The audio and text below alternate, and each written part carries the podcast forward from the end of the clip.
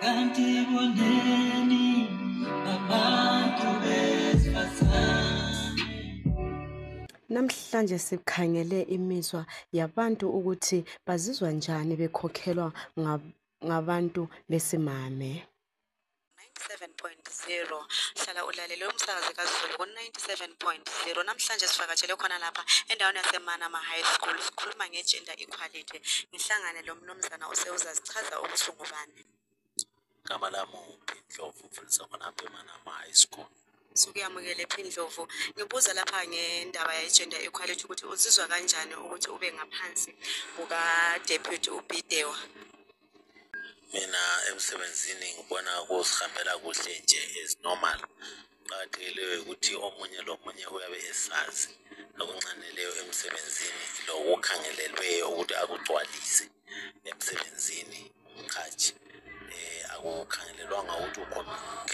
Ngumuntu wesifazana kumbe owesilisa kodwa kuqakathekileyo ukuthi lomunye lomunye ukhangelele ukuthi agcwalise lokho okukhangelelweyo umsebenzi.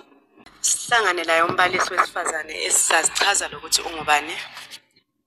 Salibonani salibonani. Mina ngingumlotshwa usiphilile. Umbalisikazi eh ngiyabonga kakhulu. Sukuyamukele Mrs Mlotshwa. Ngibuze khona lapha Mrs Mlotshwa ukuthi uzizwa kanjani ukuphathwa ngo-deputy head wesifazane?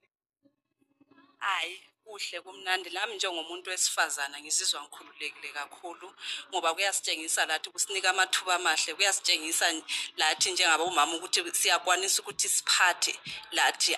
Esikhathini esiningi esidlulileyo semuva le bokujayela ukuthi kuthiwa obaba yibo abamele babe sezikhundleni. But mina ngokubona kwami okwakhathesi noma silomuntu ongumama izinto zilokhu zihamba kuhle. Le mbono yabomama vele umuzi ngumuzi ngomama. So isikolo laso siyafana lokuthi ngumuzi. So nxa sokulomama lobaba kulekhanda inhloko lo lomzimba wakhona isikolo siphelele. Sibonge kakhulu ukuzwa abantu besifazane labelis- labesilisa bekhuluma. Lalela umsakazo wentethe emanama fm umsakazo kazulu ku-97.0 uzizwele ubunandi bakhona.